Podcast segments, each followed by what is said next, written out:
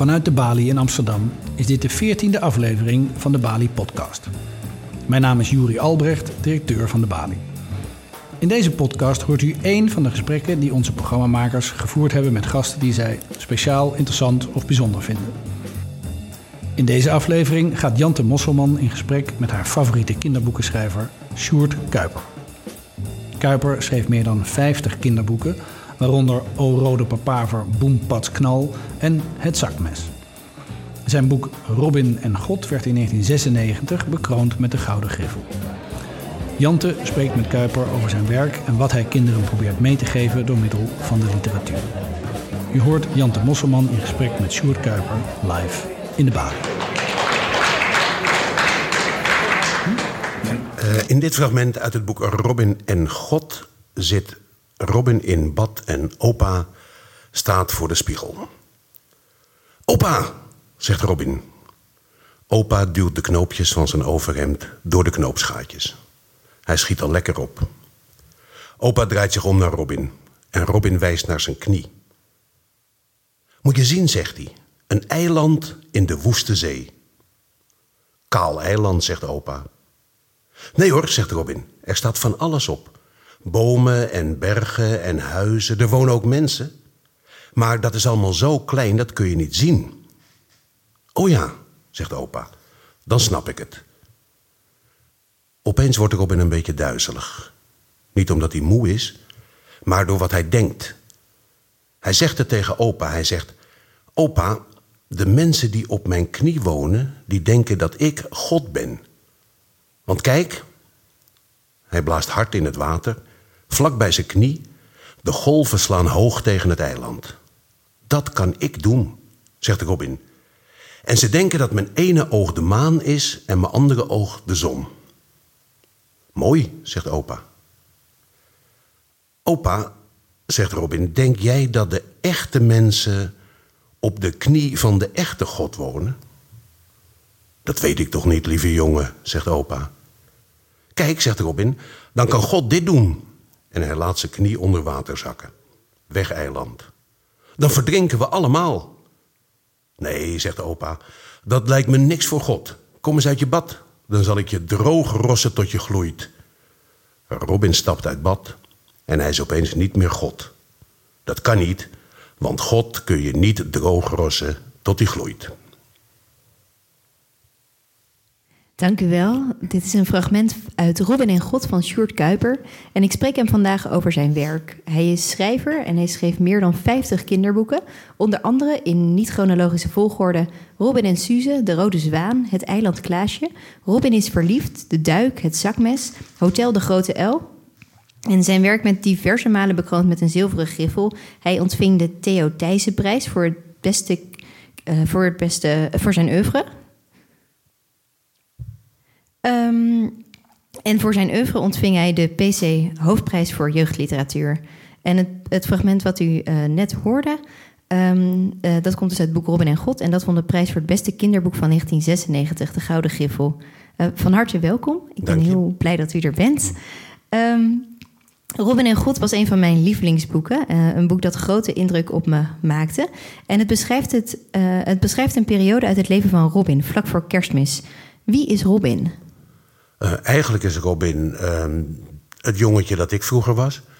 De, de verhalen in het boek zijn bijna helemaal autobiografisch. Maar dat geldt natuurlijk niet voor de dialogen, want je kunt je, als je veertig bent, niet meer precies herinneren wat er gezegd is. Dus die heb ik of verzonnen of uh, aangevuld met opmerkingen van mijn kinderen die toen ongeveer de leeftijd hadden als Robin in de boeken over Robin.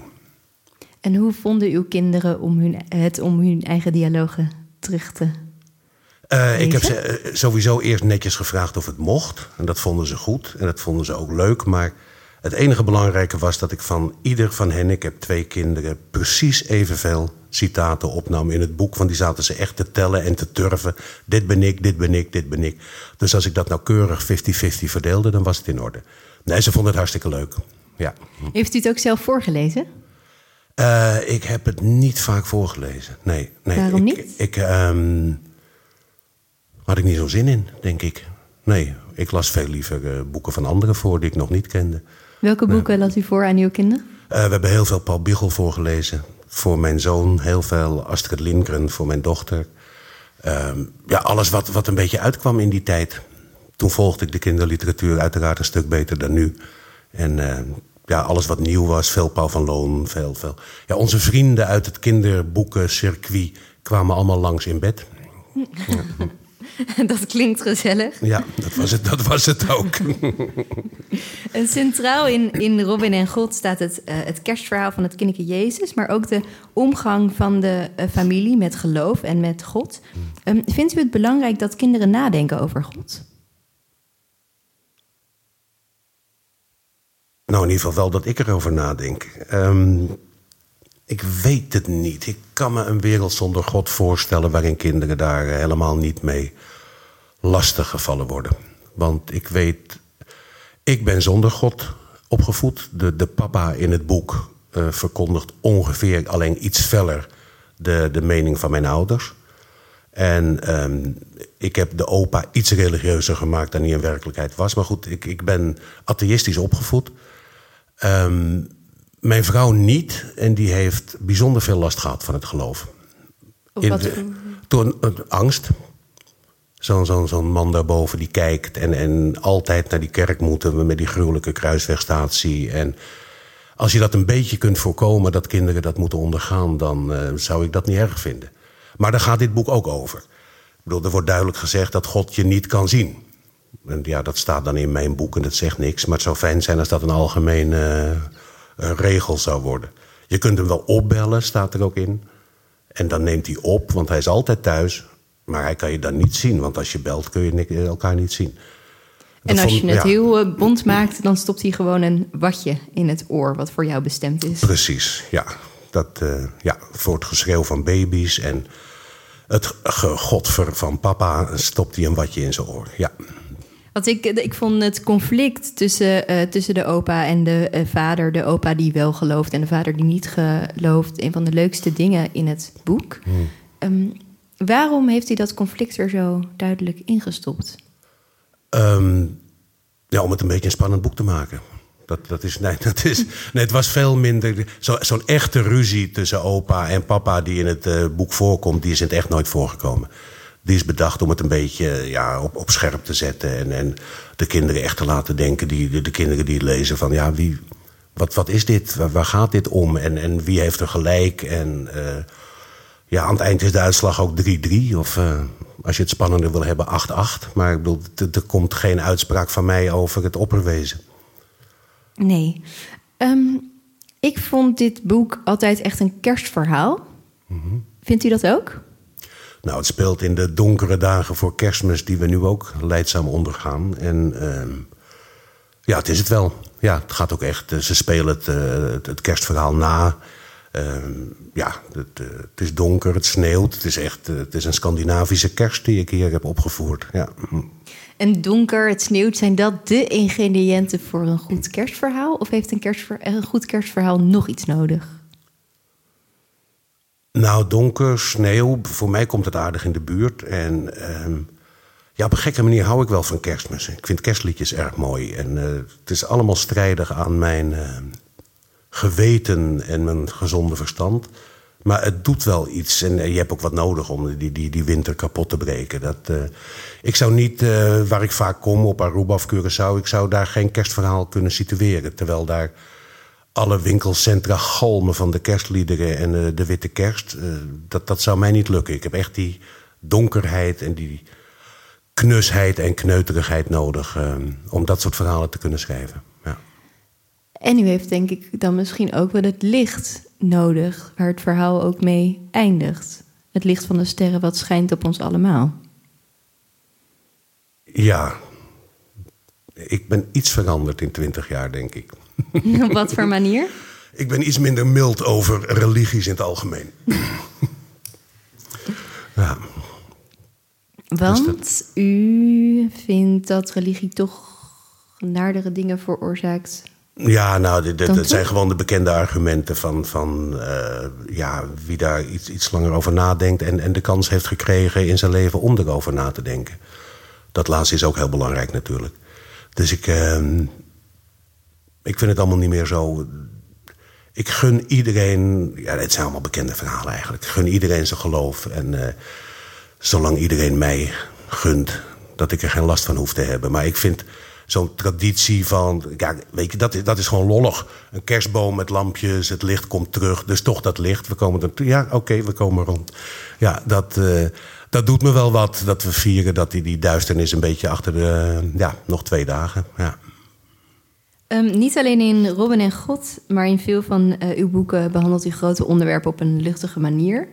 Eh, en Piotr van Lenteren schreef bijvoorbeeld in een recensie in de Volkskrant over het boek Hotel de Grote L: Liefde en dood, man en vrouw, seks en houden van, held zijn en niet durven, proza en poëzie, diepe gedachten en kolder. Kuiper gooit al zijn fa- favoriete thema's door elkaar. Ehm, en wat ik me afvroeg was, als u een verhaal begint te schrijven, begint u dan bij een van de grote favoriete thema's? Of zijn de personages er opeens? Eh, de situatie is er meestal. Er gebeurt iets, ik heb iets bedacht en, en dan... Ja, ik, ik heb vier jaar filosofie gestudeerd en dat raak je niet makkelijk kwijt. En dat heb ik niet afgemaakt overigens, maar je hebt wel vier jaar lang nagedacht over de grote thema's. En ehm, ja, niks is ooit voor niks. En dat, dat zal ik ook onbewust toch goed hebben gedaan. Niet dat ik toen wist dat ik ooit kinderboeken zou schrijven, maar ze komen er altijd in. Of het nou ehm, over een kikker gaat die bang is voor een ooievaar. Ik heb ooit het boek Eiber geschreven, het kinderboekenweekgeschenk.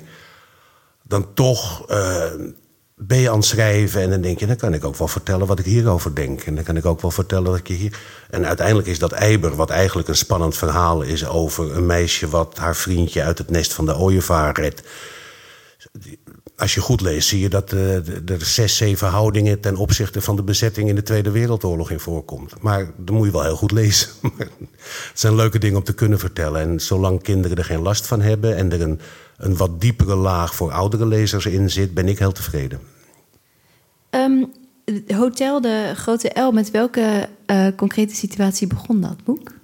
Eh, met een hotel op een duintop in Bergen aan Zee.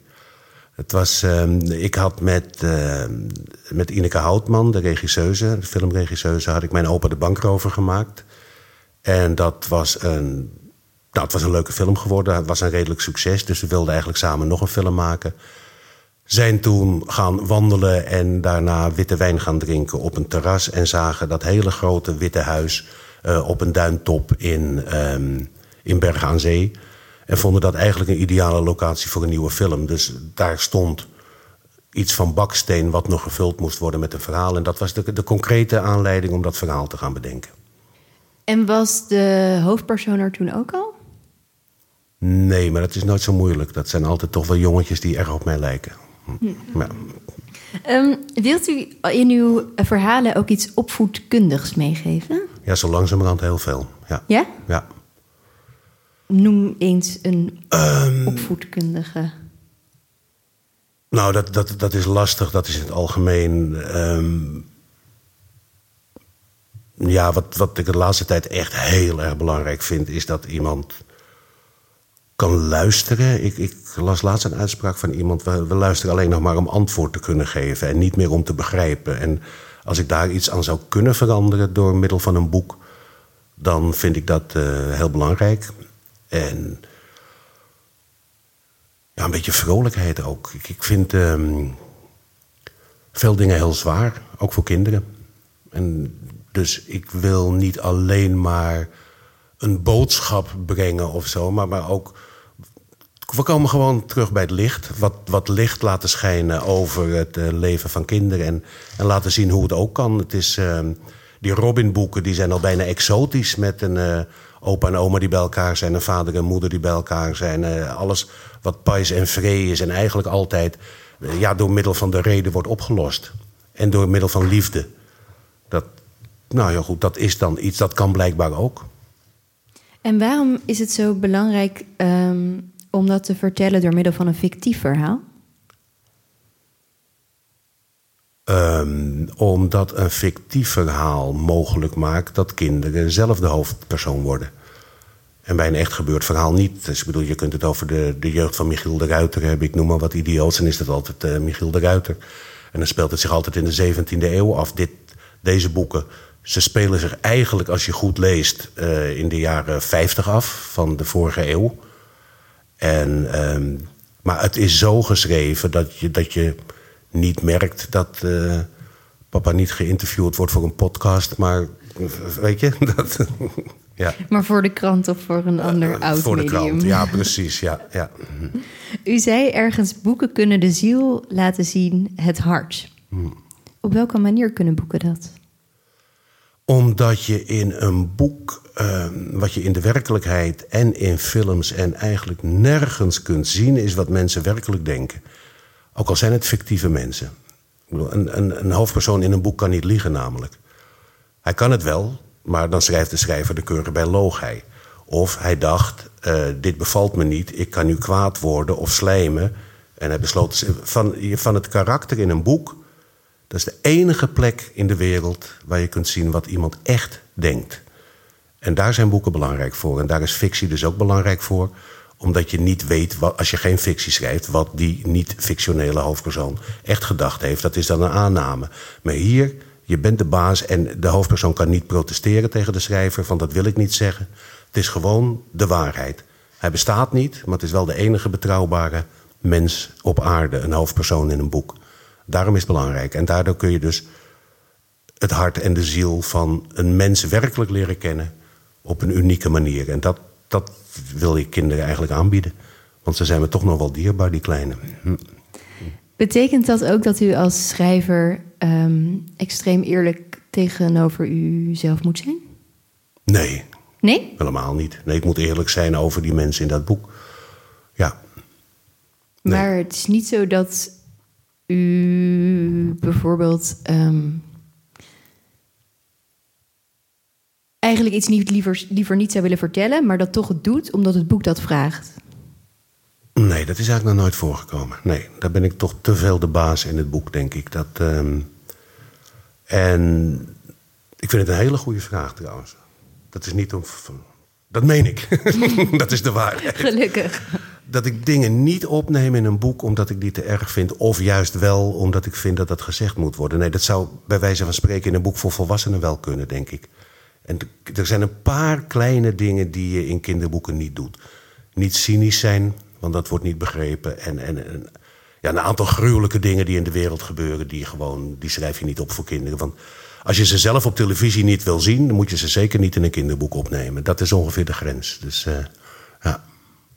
Ehm, ik had hier ook iets staan over, over het eh, schrijven van volwassenen, want dat heeft u ook gedaan. Eh, Gedichten, verhalen en essays. Eh, bijvoorbeeld in kwaaie verhalen van liefde. Eh, maar u schrijft het meest voor kinderen. En ik vroeg me af, wat vindt u zo mooi aan het schrijven van kinderboeken? Het idee dat, eh, dat je kinderen nog iets kunt vertellen wat ze niet weten en waar ze misschien iets aan hebben. Wat je bij volwassenen, ja, volwassenen zijn min of meer af. Die, die lezen wat ze weten ter bevestiging, iets, iets wat ze toch eigenlijk al mooi vonden. Het, is niet zo dat een boek mij op deze leeftijd niet kan veranderen hoor, of een nieuw inzicht kan bezorgen. Maar in principe kan ik niet meer gevormd worden door een boek op dit moment. Niet meer totaal veranderen. En ik heb gemerkt in mijn eigen jeugd, en, en nogmaals eh, over mijn vrouw, die had ook echt boeken gelezen, waardoor ze een hele andere kijk op de wereld eh, kreeg. En dat, eh, dat kan nog wel met kinderen. En ja, dat, we zouden niet somber worden, maar aangezien onderwijsouders alles toch een beetje op de achtergrond raakt, kon het wel eens zijn dat kinderboekenauteurs wel daar een belangrijke rol in zouden kunnen spelen. Die, durf, ik- die verantwoording durf ik in ieder geval wel te nemen. Ja. Wat is zo'n. Heeft u een voorbeeld van een boek wat u veranderd heeft in uw jeugd, wat u de wereld anders heeft laten zien? Eh, ik heb één jeugd, eh, één boek gehad dat eh, heette Peter van een Deense schrijfster, Anne Holm. De, en dat ging over